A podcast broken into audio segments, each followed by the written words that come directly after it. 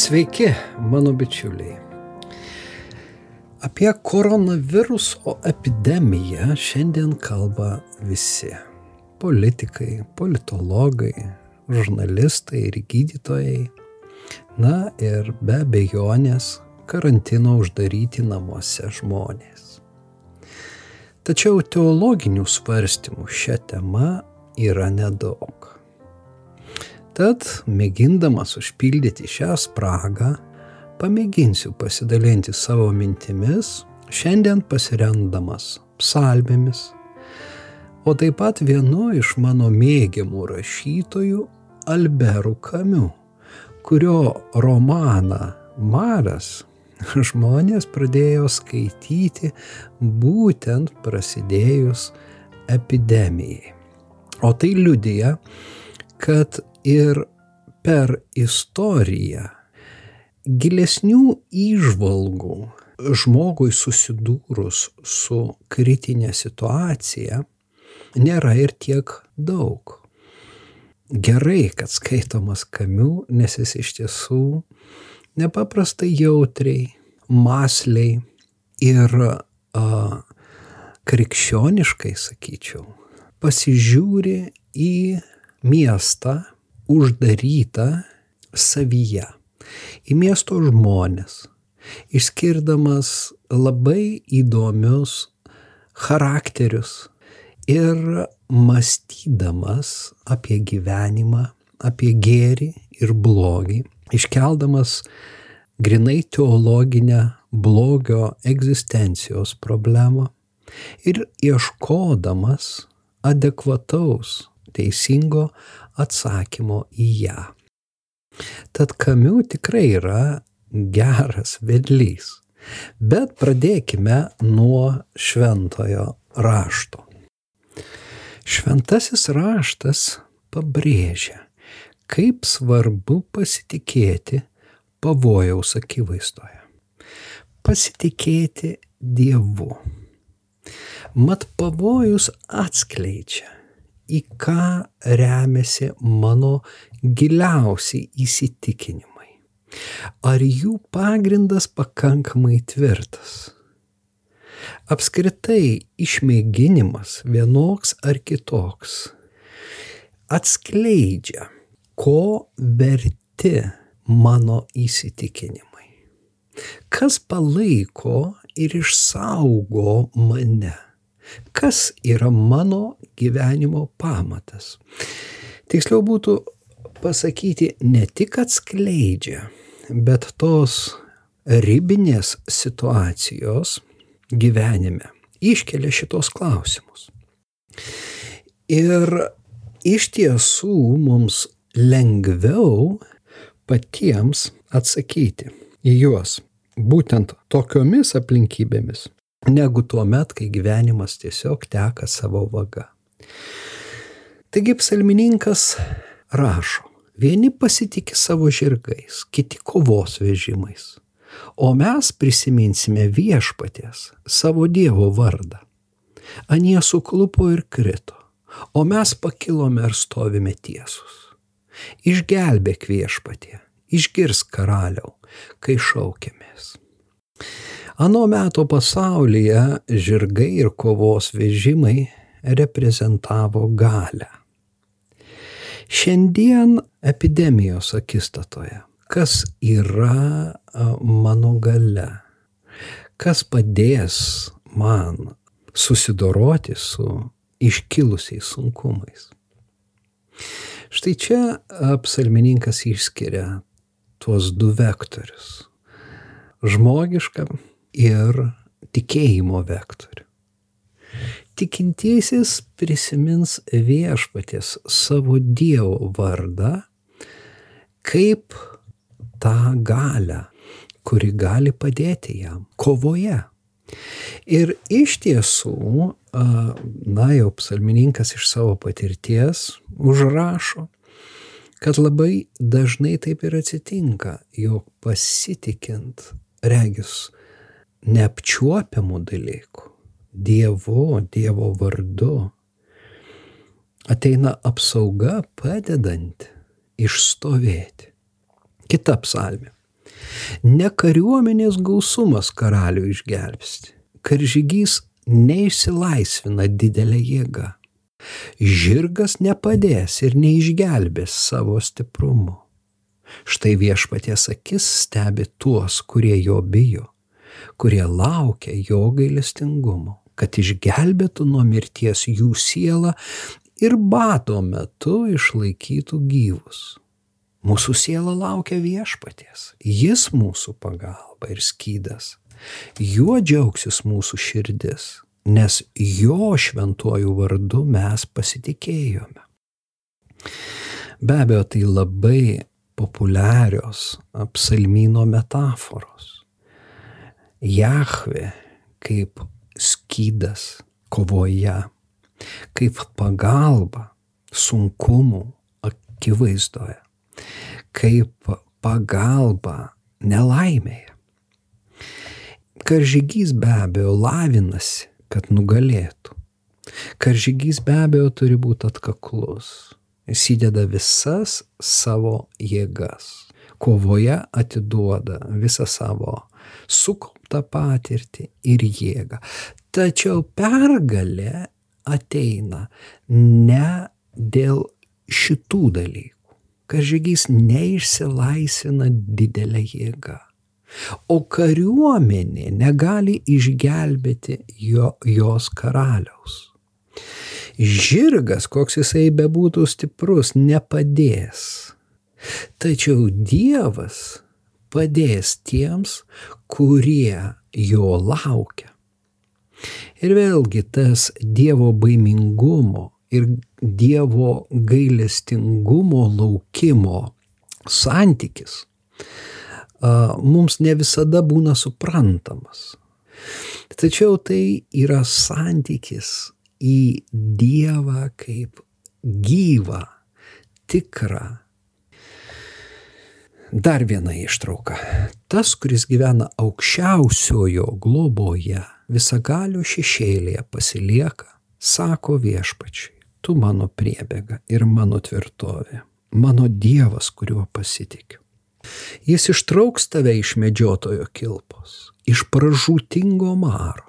Jis pridengs tave savo plunksnomis, po jos parnais rasi savo prieglaudą. Didysis skydas ir šarvas yra jo tiesa.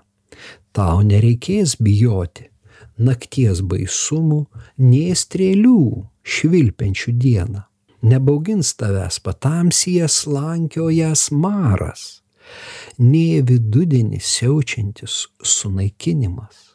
Tavo pašonėje kris tūkstantis ir dešimt tūkstančių tavo dešinėje, bet tai nepriartės prie tavęs.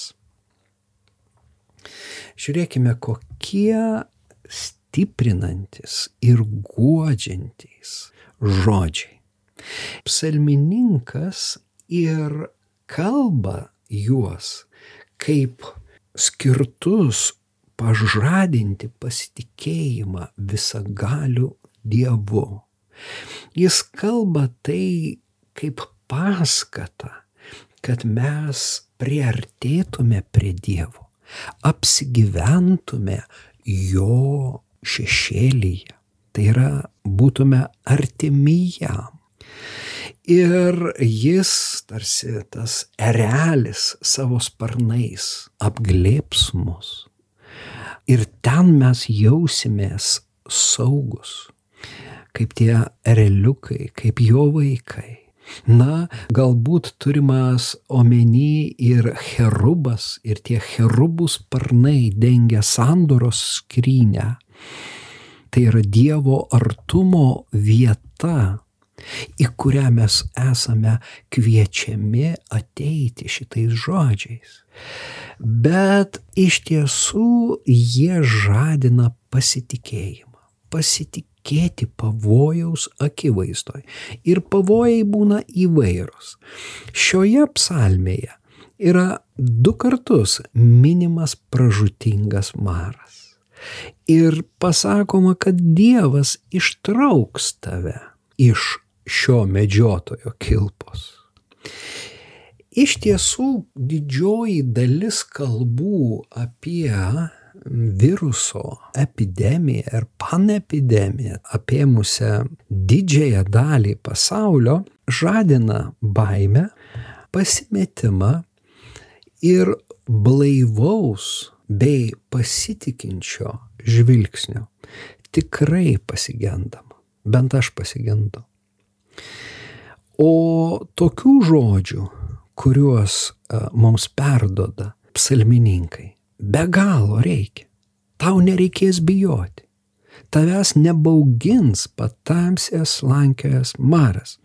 Baimė glūdi giliai širdie ir iš tiesų tiek daug kalbama iš baimės, iš mirties baimės, iš kančios baimės, iš baimės prarasti tai, ką esu sukūręs, tai ką mes visi kaip bendruomenė ar tauta, valstybė, galiausiai žmonija esame sukūrę. Iš baimės netekti, prarasti. Tačiau pamirštama, kad visos geros dovanos ateina iš Dievo ir visi pasiekimai įmanomi, tik tai jam padedant, jo valia. Albero Kamių išvalgos romane Maras nedvėjotinai brėžia teisingas gairias ir iškelia tikras vertybės praktiškai visuotinio karantino akivaizdoje. Pats Kamiu yra pasakęs, kad man taip natūralu rašyti apie Marą.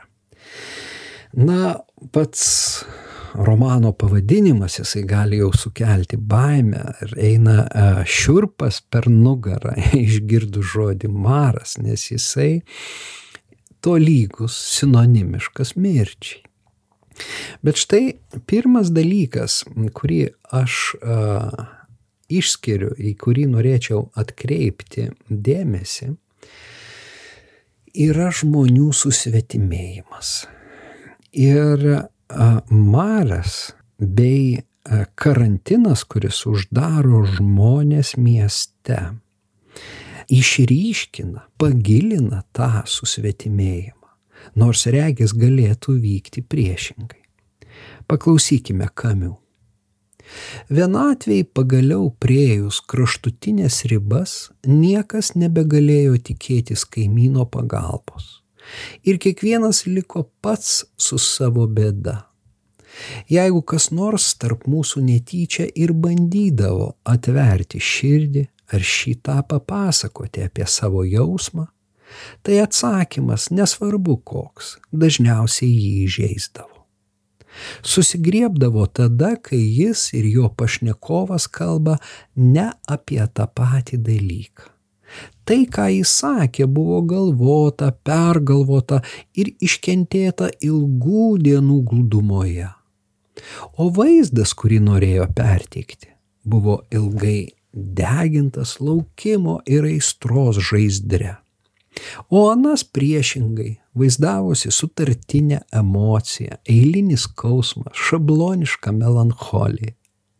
Palankus ar priešiškas atsakymas visada būdavo netaiklus ir reikėdavo tokių pasipasakojimų atsisakyti.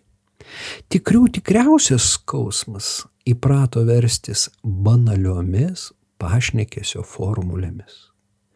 Tik šitokią kainą maro kaliniai te galėdavo susilaukti savo namsargių užuojautos ar klausančiųjų dėmesio.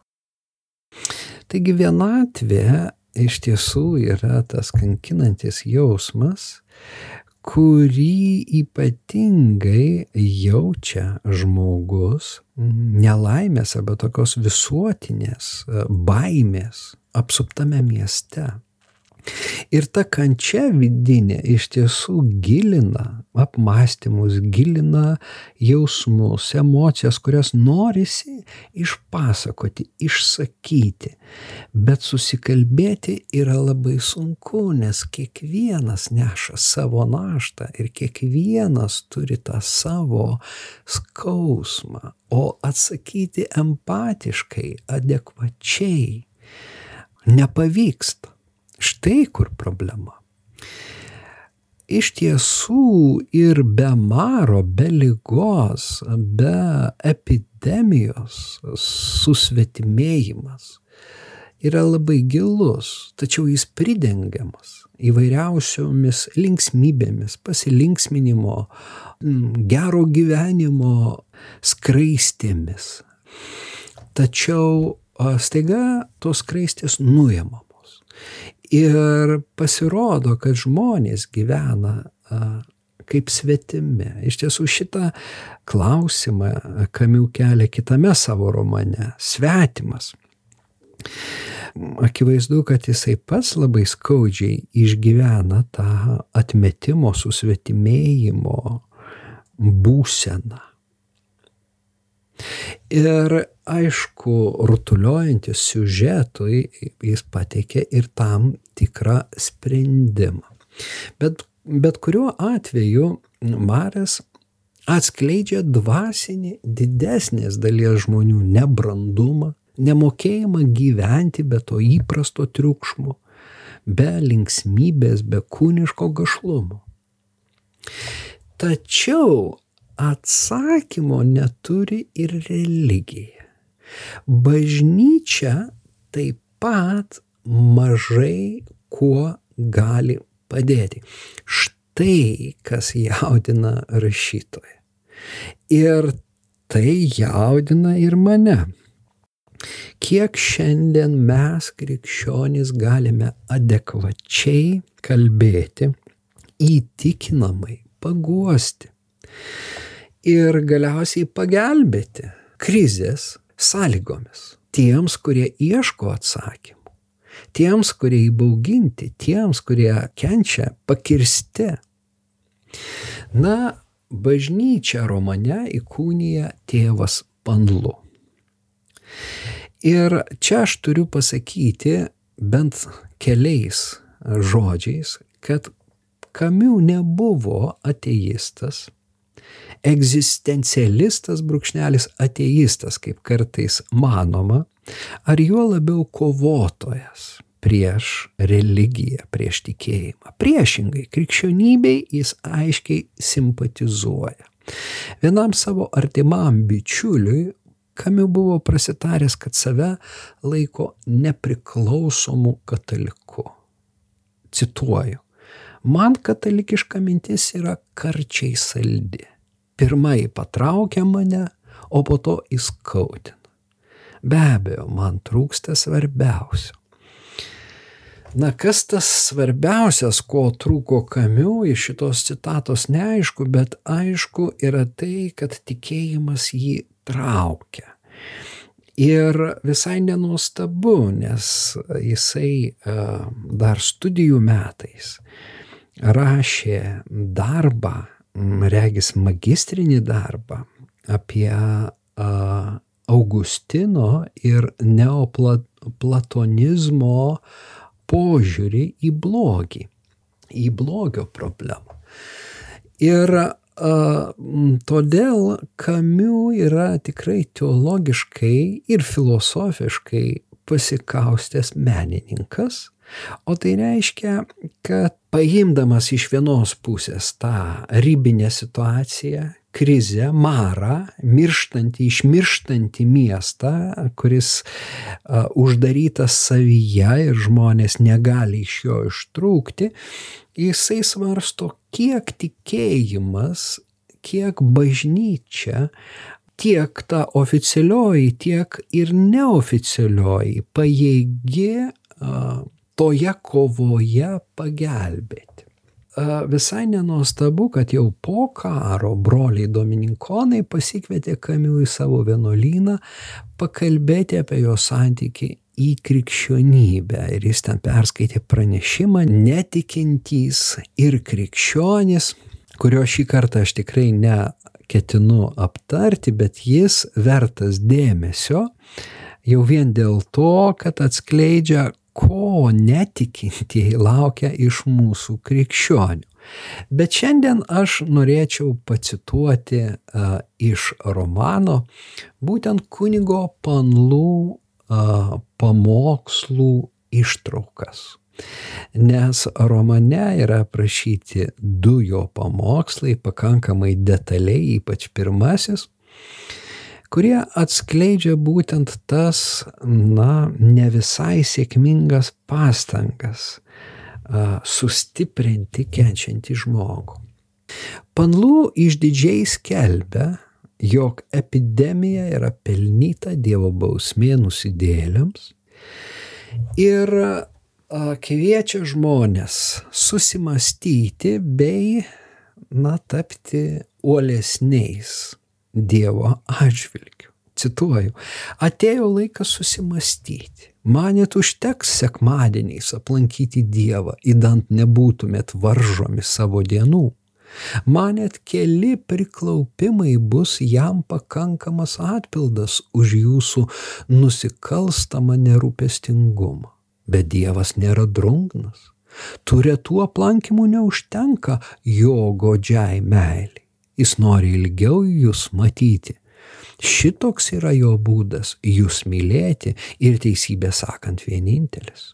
Štai kodėl jūsų nebesulaukdamas jis užleido rykštę ant jūsų, kai buvo užleidęs ant visų nuodėmės miestų, kiek siekia žmonijos istorija. Nunai žinote, kas yra nuodėmė kaip žinojo Kainas ir jo sūnus, kaip žinojo žmonės prieš visuotinį tvaną ir tie iš Sodomos ir Gomoros, kaip žinojo Faraonas ir Jobas, taip pat visi prakeiktieji. Ir kaip jie anuome, taip ir jūs kitomis akimis regite būtybės ir daiktus nuo tos dienos, kada šitas miestas uždarė jūs draugę su maru tarp savo sienų. Taigi Marijas kaip Dievo rykštė, kaip Dievo bausmė žmonėms, kurie tik paviršutiniškai a, sekmadienį nueina į bažnyčią, bet iš tiesų gyvena na, nuodėmingą gyvenimą. Ir jiems, tiesą sakant, Dievas visai nerūpi.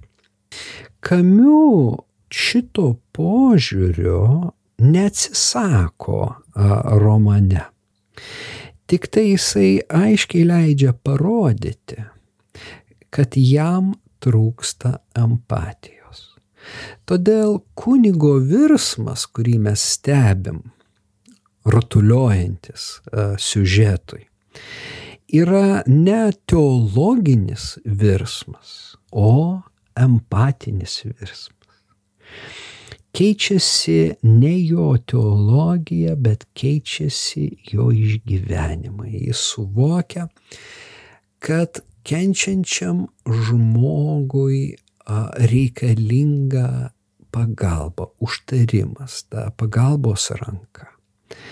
Ir būtent gydytojas Ryje romane įkūnyja tą, na, žmogišką pagalbą.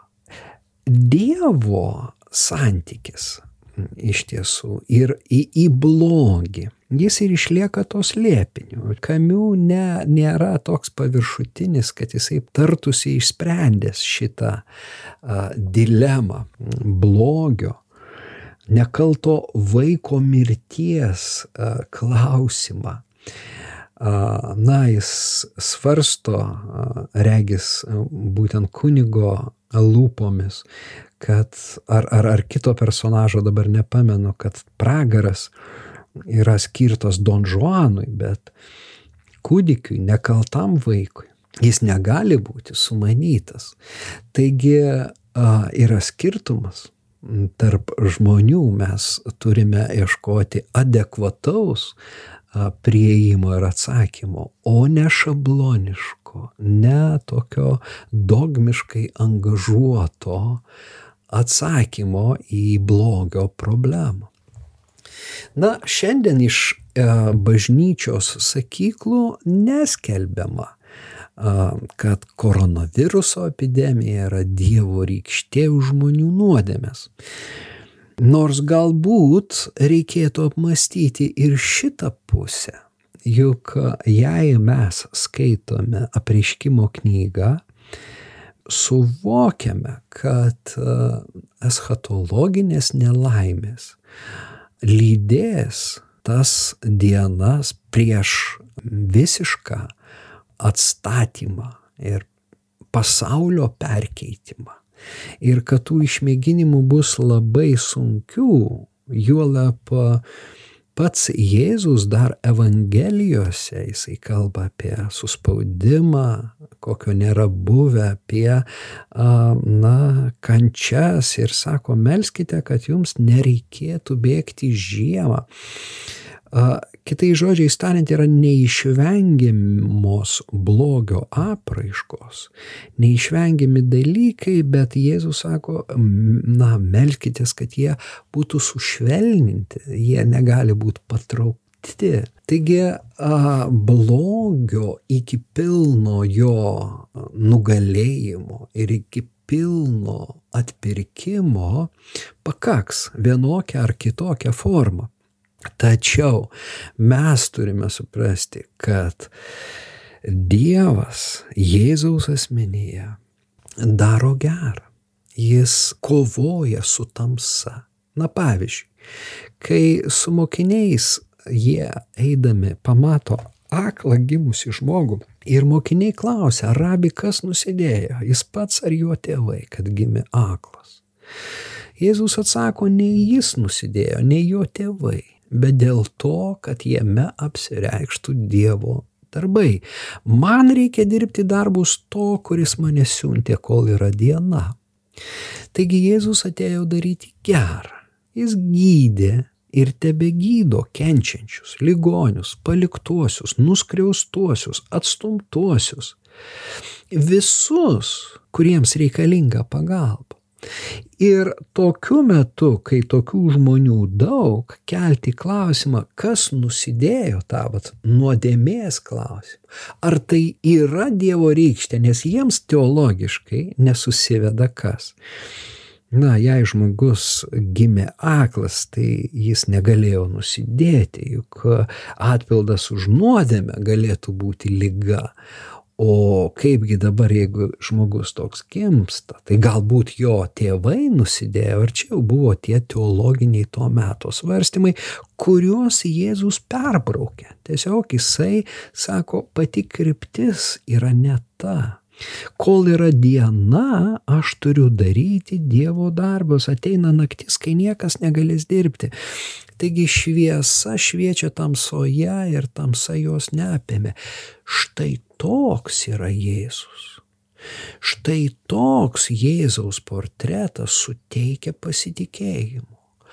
Toks Dievas, koks jis apreiškia save Jėzuje Kristuje, yra vertas mūsų tikėjimo ir meilės. Taigi apibendrinant, pirma nepasiduoti baimiai šios epidemijos akistatoje. Tikėti ir pasitikėti gero trokštančių ir gerą darančių dievų. Tačiau tai nereiškia visiško natūralių kovos priemonių su epidemija neigimo, karantino ignoravimo Jokių būdų.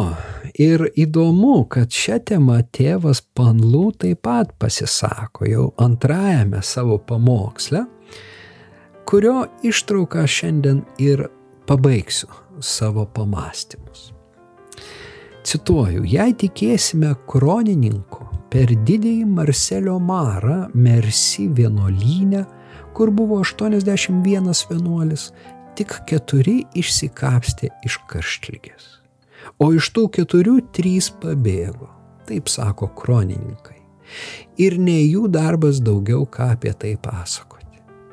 Bet tėvas Panlų, sakydamas pamokslą, vis galvojo apie tą vienintelį, kuris liko nepaisydamas 77 lavonų, o svarbiausia nepaisydamas tų trijų brolių pavyzdžių ir tėvas panlų trenkęs kumščių į sakyklos kraštą sušuko.